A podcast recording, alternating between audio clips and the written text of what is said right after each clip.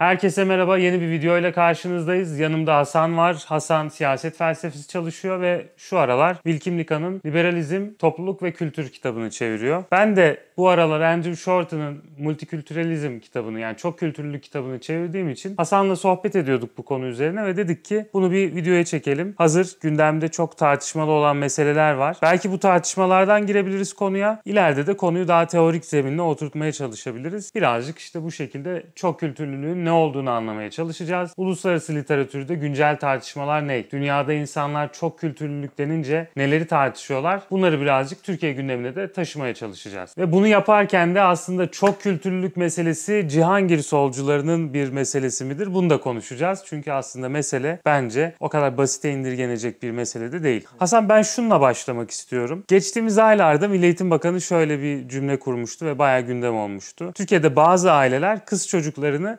okullarda erkeklerle birlikte okumasınlar diye okula göndermiyor demişti. Hatta devletin gerekirse karma eğitimi tabii ki esas tutarak kız çocuklarına özel okullar açabileceğini söylemişti. Şimdi bu bence aslında çok kültürlülük meselesinin tam kalbinden girecek bir mesele. Türkiye'de bazı insanların dini kaygılarla kız çocuklarını ya da erkek çocuklarını da olabilir okula göndermediğini biliyoruz. Ama devletin de buna karşı o çocukların temel eğitim hakkını nasıl sağlayacağı gibi bir sorumuz var elimizde. Aslında bu çok kültürlülüğün temel tartışmalarından birisi. Burada ben çok kültürcülerin pozisyonunu merak ediyorum. Ne diyor çok kültürcü yaklaşımlar böyle bir soruna? Bu türden sorular günün sonunda kültürel çeşitlilikle alakalı sorular. Zaten çok kültürcülüğün ortaya çıkışı da verili bir toplumdaki, bir toplumdaki veya kültürel çeşitlilik olgusuyla demokratik açıdan hem grup kimliğine nasıl saygı duyacağımızı hem de aynı şekilde demokratik ilkelerle bunu nasıl uzlaştıracağımızla alakalı bir tartışma olarak aslında bir yerde en azından tartışmanın bir veçesi bu şekilde çıkıyor. Peki şimdi saygı duymak dedin ya. Bir taraftan da insanlar şunu söylüyorlar. Hayır kardeşim biz kız çocuklarını okula göndermeyeceğini söyleyen bir zihniyete saygı duymak istemiyoruz. Bu zihniyet ya değiştirilmeli, eğitilmelidir ya da gerekiyorsa yok edilmelidir. Diyen insanlar da var. Pozisyonu nasıl kurmak Evet bu gerekiyor? pozisyon şey açısından yani tekil bir kültürü merkezine alan ve bu tekil bir kültür üzerinden aslında farklı toplumsal gruplara, farklı grup kimliklerine mensup olan kişilere dönük bir çeşit siyasi ajandayı içer- içeriyor ve aynı şekilde bir çok kültürcünün tabiriyle bir çeşit kültüre müdahaleyi içeren bir durum söz konusu. Ama burada mesele şey değil. Çok kültürcülük meselesini modern olmayan, bizim işte hani seküler diyemeyeceğimiz grupların her türlü kültürel pratiğini sergileme konusunda çok geniş bir serbestiyet verilmesi gerektiği anlamına gelmiyor. Yani çok kültürcülük deyim yerindeyse anti modern grupların sığınağı olmamalı diyorsun sen ona. Ee, hem sığınağı olmamalı hem de değil. Aynı zamanda değil. Ama şu var. Modern olmayan veya bizim işte illiberal diyebileceğimiz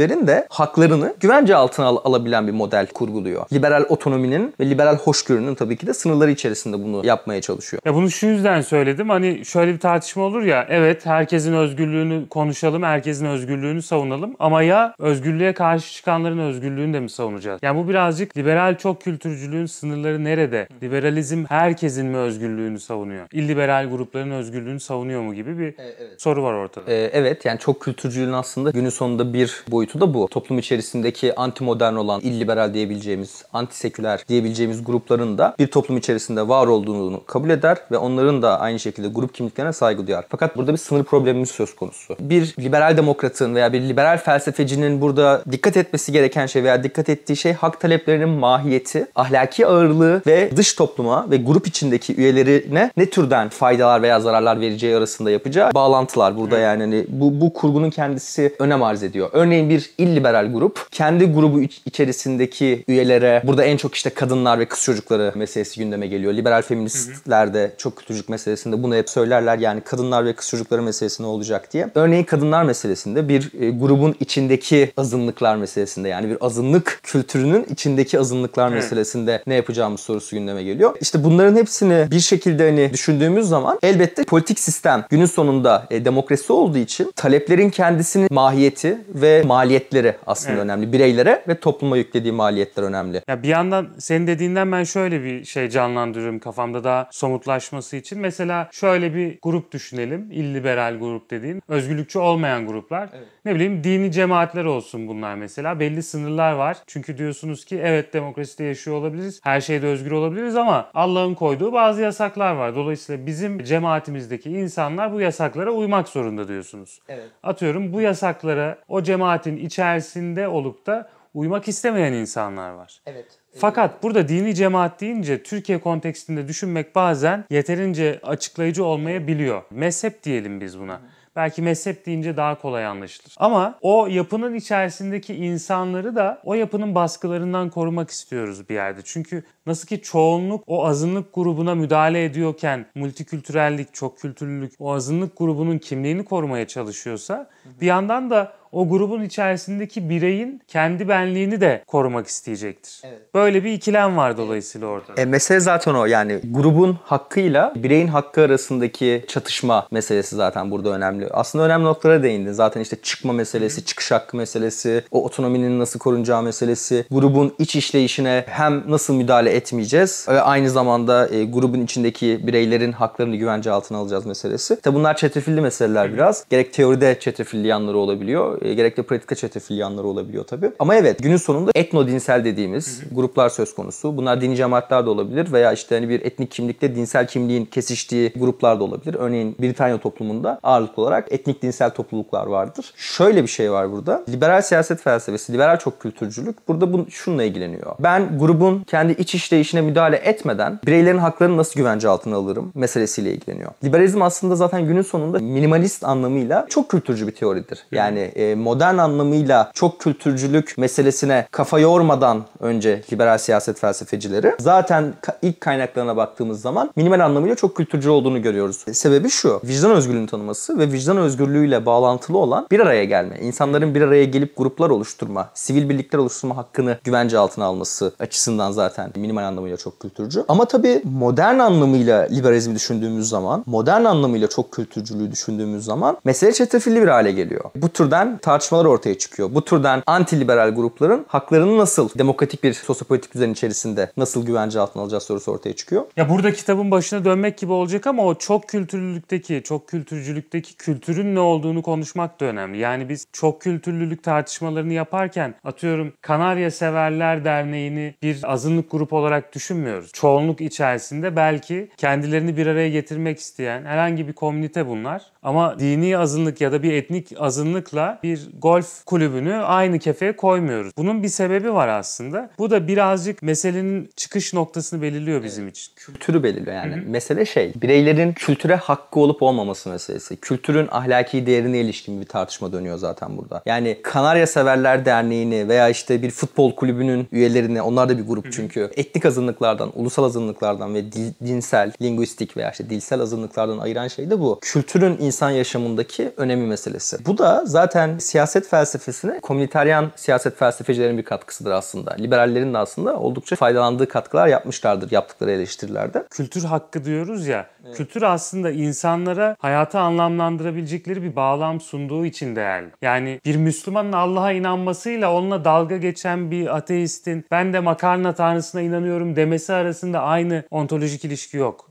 Bu yüzden de atıyorum işte makarnaya tapanların dini hakları ne olacak onları da koruyalım diyemiyoruz. Burada aslında bir işte etnik yapılar, iki dini yapılar, üç belli bir coğrafyada yoğunlaşmış gruplar. Mesela Amerika'daki yerliler gibi, Kanada'daki yerliler gibi grupların grup hakları aslında multikültürellik yani çok kültürlülük bağlamında tartışılmaya değer haklar. Çünkü bunlar üyelerine hayatı anlamlandırabilmeleri için bir network, bir anlam havuzu veriyorlar. Aslında çok kültürlülük tartışmasını yap, yapıyor olma sebebimiz de bu bir yerde. Bu evet kültürün işte içsel değeri dediğimiz şey aslında bu. İnsanlara seçimler yaparken aslında belli bir bağlam sunması. Tabii bu Wilkim Lika'nın özellikle görüşü böyle. Çok kültürcülük kuramını gerekçelendirirken kişisel otonomiyle kültür arasında bir bağlantı kuruyor. Ve bu bağlantıyı da işte senin dediğin şekliyle kültürün insanlara anlamlı tercihler yapacak tercih bağlamları sunmasını söylüyor. Ve bunun da insan otonomisini aslında güvence altına aldığını ve insan otonomisinin kendisini de sağladığını düşünüyor. Ama bazı teorisyenler böyle bir gerekçelendirme yapmıyorlar. Yani otonomi merkezli bir gerekçelendirme yapmıyorlar. Örneğin bir komüniteryan felsefeci veya bir komüniteryan siyaset bilimci veya bir kişi hayır yani kimlik dediğimiz şey insanlara işte hani otonomi sağladığı için değerli değil. Günün sonunda yani hani kimlik insanlara nüfuz edici bir etkiye sahip ve insanların kendi kişiliğini, kimliğini, karakterini kuran bir etkide ve bir insan mükemmelliyetinin aslında bir parçası olarak görürler. Tabii otonomi merkezli bir çok kültürcülük savunusunda da bunlar kabul ediliyor. Ama merkezine otonomi kavramını almak biraz şey şeydir. Bazı insanları rahatsız eder. Bu çok liberal, çok seküler varsayımlara dayanan bir şey. Yani şey tartışması doğuyor işte. Otonomiye değer vermeyen kültürleri ne yapacağız? Evet. Yani insan otonomisine, liberal anlamıyla insan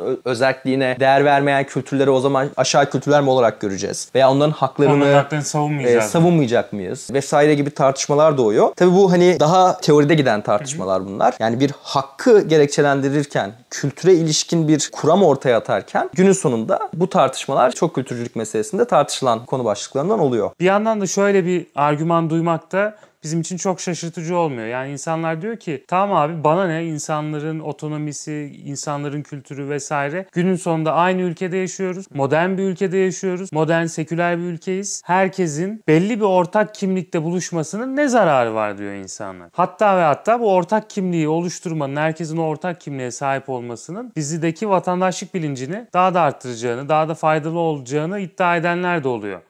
E, bu şey e, klasik ulus devlet paradigması. Zaten çok kültürcünün ortaya çıkışı da bu. Yani klasik ulus devlet paradigmasının aslında ortadan kalkmasıyla veya ortadan kalkmasa da sorgulanmaya tabi oluşuyla bağlantılı bir şekilde ortaya çıkıyor. Ve 90'larda komünizmin çöküşüyle beraber de Doğu Avrupa'da tetiklenen o milliyetçi dalganın da yükselişiyle beraber işte etnik grupların, dinsel ve dilsel grupların hakları meselesini gündeme getiriyor. Yani tartışma zaten hani buradan çıkıyor. Kimliğe ilişkin, ortak kimliğe ilişkin, yurttaşlık kimliğine ilişkin bir tartışma olarak aslında ortaya Bir çıkıyor. yandan da şu var bu arada. Bu çok kültürlülük tartışmasının kendisinin ulus devlet kimliğini zayıflatabilecek bir tehdit olduğunu da düşünüyor insanlar. o evet. yüzden evet burada istiyorum. evet tabii burada şey var. Bu sorgulanmaya tabi tutuldukça zaten azınlık hakları ortaya çıkmaya başladı. Azınlıkların hakları ve yurttaşlığa ilişkin tartışmalar ortaya çıkmaya başladı. Çünkü şu görüldü. Batı demokrasileri günün sonunda içerisinde barındırdıkları o etnokültürel çeşitlilikle baş edemediklerini fark ettiler ve bu bir çeşit azınlık milliyetçiliğini tetikledi. İnsanların kendi kültürlerine kapanmasına, o ortak kimlik adı altında yapılan politikaların günün sonunda azınlık milliyetçiliğini tetiklediği, Ya Quebec'te mesela örnek olarak Fransa'da bu yaz yaşanan olayları düşünüyorum. Bir gencin öldürülmesiyle başlayan isyanlar aslında temelde Fransa'nın o tek tip ortak kültür, o cumhuriyetçi Fransa değerleri diyerek yetiştirmek istediği nesli aslında çok da başarılı bir şekilde uygulayamadığını gösteriyor bize. Yani banliyölerde yaşayan, çoğunluğu Müslüman olan ya da Afrikalı olan o gençler Fransız ulus kimliğine yeterince intibak edemediler, yeterince entegre olamadılar. Dolayısıyla o ortak kültür projesi onları asimile etmeyi ba- başaramadı, entegre etmeyi de başaramadı. Dolayısıyla ortaya böyle bir kriz çıkarmış oldu. Bir yandan multikültürellik tartışması insanları ulus devletten uzaklaştırmaya değil belki o ulus devletin aidiyet krizlerini, aidiyet sorunlarını çözmek için bir yöntem olarak da kullanılıyor ki zaten liberal tartışmaların da büyük bir kısmı bunlara ilgileniyor. Birazcık bunlardan bahsedebiliriz. Evet bu doğru. Burada şey var zaten yani hani aslında milliyetçiliğin daha sosyal liberal formlarını görüyoruz biz çok kültürcülük tartışmasında. En azından liberal çok kültürcülük günün sonunda bir çeşit sivil milliyetçiliği veya işte bizim o liberal milliyetçilik dediğimiz şeyi merkezine alan bir tartışmayı kapsıyor. Günün sonunda evet yani bir siyasi birim olarak hala ulusun içerisindeyiz. Hala e, ulusal dayanışma gibi motifler, işte o milliyetçi söylemler hala tartışmanın aslında şeyini belirliyor. Belli yerlerde teorik ve pratik bağlamını belirliyor. Ama bunların daha yapı söküme uğratıldığı, bunların daha yeniden yorumlandığı, farklı grup kimliklerinin de yurttaşlık kimliğine entegre olabildiği bir bağlamı yaratmak istiyor aslında. Fransa örneği bu açıdan önemli. Çünkü belli ki oradaki göçmen gruplar vatandaşlıkla alakalı bir kriz yaşıyorlar. Çok kültürcülük de aslında zaten burada yapmaya çalıştığı şey bu. Toplumsal dayanışmayı, kültürel farklılığı göz ardı etmeden farklı grupların ihtiyaçlarını tanıyarak ve işte onlara siyaseten belli haklar vererek birinci nesil hakları, ikinci nesil, üçüncü nesil hakları olabilir. Özel grup hakları olabilir vesaire yani. Yani bunlar değişir. Vererek sağlamaya çalışıyor. Zaten şu önemli yani çok kültürcülük günün sonunda sadece azınlık haklarını kapsayan azınlık haklarına ilişkin bir hukuki tasarı vesaire gibi bir şey indirgeyemeyiz. Aslında çok daha derin boyutunda bir yurttaşlık tasarısı aslında. Yurttaşlığı nasıl kurgulay- kurgulayacağımıza e, ilişkin bir tartışma. Örneğin nedir? Bütün farklılıklarımıza rağmen etnik, ulusal, dilsel ve dinsel farklılıklarımıza rağmen aynı toplumu paylaşan yurttaşlar olarak nasıl ortaklaşacağımıza ilişkin bir tartışmayı aslında içerisinde barındırıyor. Ve bu da onu aslında şey bir yerde hem değerli kılan hem de üzerine düşünülmeye değer kılan bir pozisyon yapıyor diyebilirim. Yurttaşlık meselesi de aslında işte e, dedin ya eşit yurttaşlığı erozyona uğratabilir gibi bir şey söyledin yani bunu ima eden bir şey söyledin. Bu iddia edildi. Yani azınlık hakları ilk çıkmaya başladığı zamanlarda azınlık haklarına ilişkin tartışmalar daha doğrusu özellikle özellikle teorik felsefecilerde yoğunlaşmaya başladığında şey eleştirileri gelirdi. Ya bu işte toplumda farklı grupları kompartmanlara ayırmak ve eşit yurttaşlık idealini zedelemek olarak değerlendirilirdi. İşin bu boyutu aslında şeyi gösteriyor. Tam tersini gösteriyor gibi gözüküyor. Yani kimisi şunu iddia etti dediğim gibi işte ulusun kompartmanlara ayrıldığı bir şey yarattığını azınlık haklarının bir bağlam yarattığını söylediler. Oysa ki işin aslında diğer boyutunda görülen şey şuydu. Azınlık haklarının tesisi veya çok kültürcü politikaların tesisi aksine eşit yurttaşlık anlayışını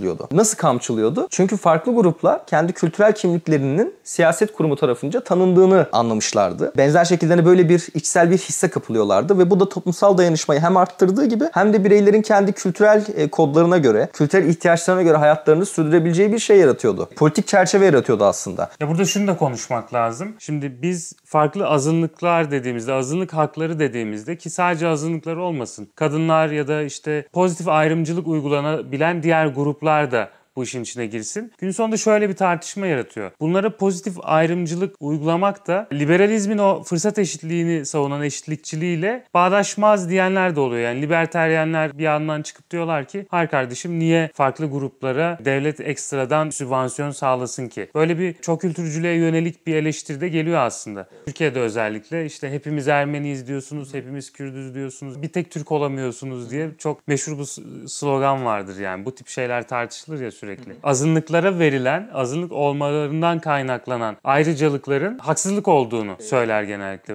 Buna karşı çok kültürcülüğün ürettiği bir cevap Ee, var mı? şöyle bir cevabı var. Çok kültürcülük tartışması yoğun bir şekilde tartışıldığı dönemlerde de bu eleştiriler geliyordu zaten. Bunlar söylenen şeylerde hala da zaten tartışılan noktalar veya eleştirilen noktalar. Burada verili olarak yani varsayımsal olarak demokrasilerin dahil yani liberal demokrasilerin dahil bir ulus devlet formu etrafında şekillenmediğini insanlar düşünüyor. Veya bir ulus devletin bir çoğunluk kültürüne ve çoğunluk kültürünün sembollerine, çoğunluk kültürünün anlatılarına yaslanmadığını düşünüyor. Yani evrensel insan haklarının bütün yurttaşları eşit kılacağı varsayımı aslında tarihsel olarak ciddi bir sorunla bizi baş başa bırakıyor. Çünkü buradaki temel sorun şu. Liberal demokrasilerin demin söylediğim gibi ulus devlet formu etrafında şekillenmiş olması. Bir çoğunluk kültürüne yaslanması. Yani renk körü bir siyaseti arzulamak. Yani işte hani kimliklerden bağımsız bir şekilde hani hakları ve yükümlülükleri kurgulamak demokrasilerin ne kadar tarafsız olduğunu dile getiriyor. Veya buna ilişkin tartışmaları e, gündeme getirmek zorunda. Yani bu devletlerin, liberal demokrasilerin dahil belli bir çoğunluk kültürüne oturduğunu örneklemek gerekirse şey söyleyebiliriz. İşte örneğin ulusal bayramlar meselesi, müfredat meselesi vesaire. Bu türden şeyler belli bir etnik kimliğin günün sonunda kültürel karakterine ve kültürel kodlarına oturan bir yerde. Tabii mesela Fransa'da Ramazan bayramında, Kurban bayramında tatil ilan edilmiyor. evet. Dolayısıyla Ee, devletin zaten bütün o etnik gruplara eşit renk körü davrandığı bir senaryoyu konuşmak mümkün değil. Evet. Ya o yüzden zaten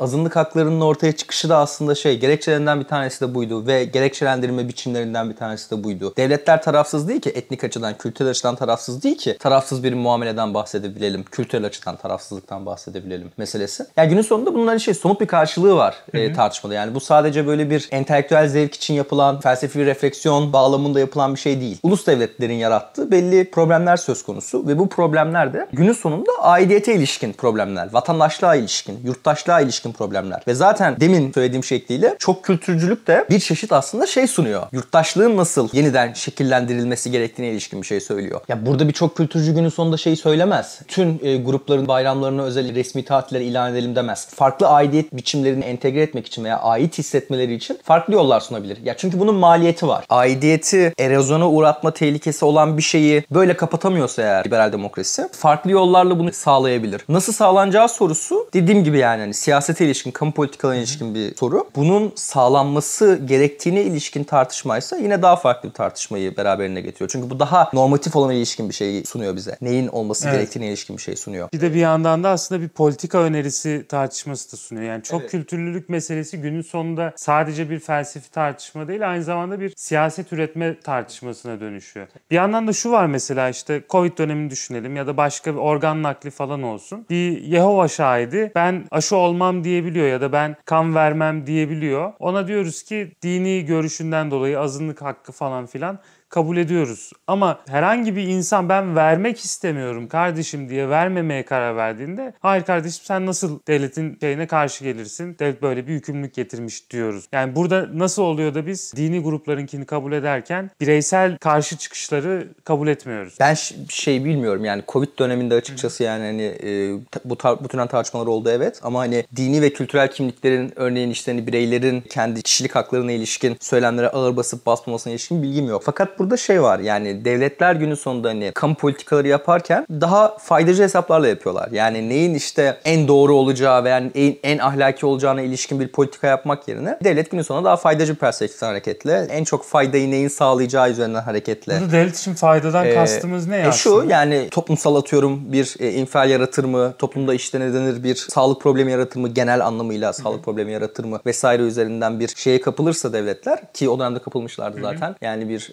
algıya kapılırlarsa eğer günün sonunda hani şey bu türden daha faydacılığı merkezine alan, faydayı merkezine alan politikalar yapabilirler. Yapıyorlar da aslında devletler bunu. Ama elbette kişilerin aşı verip vermeme hakkı meselesi. İşte bu daha felsefi bir tartışma oluyor. Yani benlik tartışmalarıyla alakalı yani belli pozisyonları aslında gündeme getiriyor. Aslında şunu mu demek istiyorsun? Yani burada devletin bireyi bazen önemsemeyip de ha- hak talebi konusunda grupları önemsemesi o grupların bir nevi politik de gücü olduğu için devlet o gücü karşısına almak yerine e, onların adiyetini güçlendirecek, devletle bağını güçlendirecek bazı tavizler vermeyi kabul ediyor gibi. Verebilir. Şimdi devletin devletlerin ne yapacağını hani şey yapamazsın yani. E, öngörmek zor. Birçok şey yapabilirler. Bir sürü e, opsiyonumuz var. Çok ama siyasetçi ahlak- cevabı oldu ama, ama bunlar. ama ahlaki açıdan işte buradaki mevzu şu. Bunlar çok siyaset cevabı da. Ahlaki açıdan neyin olması gerektiğini tartışacaksak eğer aşılanmama durumu ve bunun aşılanmamaya ilişkin kültürel talep dediğimiz talebin ahlaki ağırlığı eğer genel zarardan ve bireysel zarardan fazlaysa Azınlık bir hakkı falan bir e, kenara koyulur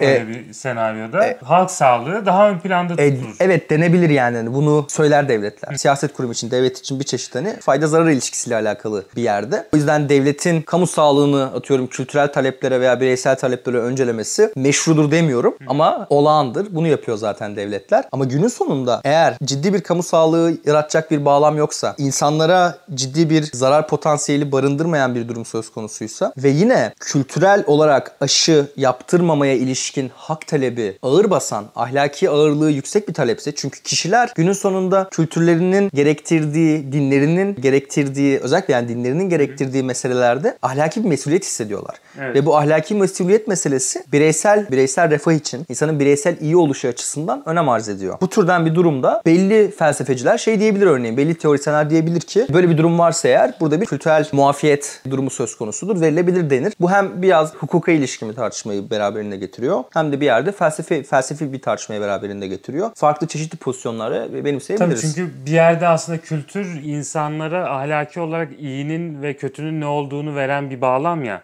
Evet. Bu kültürün içerisinde din de olabilir, işte etnik, örfi gelenekler de olabilir vesaire. Bence meseleyi güzelce özetledik. Burada tek bir sonra bir not olarak düşmek istiyorum. Bu multikültürellik yani çok kültürlülük meselesinin ele aldığı sorunlar içerisinde başta da saydık. Etnik gruplar, dini gruplar gibi azınlıklar ya da dilsel gruplar gibi yani belli bir dili konuşan bir komünite gibi azınlıklar var ama asıl mesele bir yanda da bu toplulukların o devlet içerisinde var olan gruplar olması. Dolayısıyla aslında çok kültürlülük tartışmasının içerisinde belki bu videoda niye işte göçmenleri tartışmadınız, atıyorum Fransa'dakileri tartıştınız da Türkiye'deki Suriyeli, Afgan göçmenleri niye tartışmadınız gibi bir yorum gelecekse ona şimdiden şöyle bir cevap vermek istiyorum. Aslında göçmenlerin meseleleri çok kültürlülük tartışmasının içerisine girmiyor. Daha çok o topraklarda yerleşik olan azınlıkların atıyorum Amerika'daki yerlilerin gibi ya da Türkiye'de işte bugün çok fazla kültürel azınlık var. Kürtler olur, Çerkesler olur, Aleviler olur bir dini grup olarak vesaire.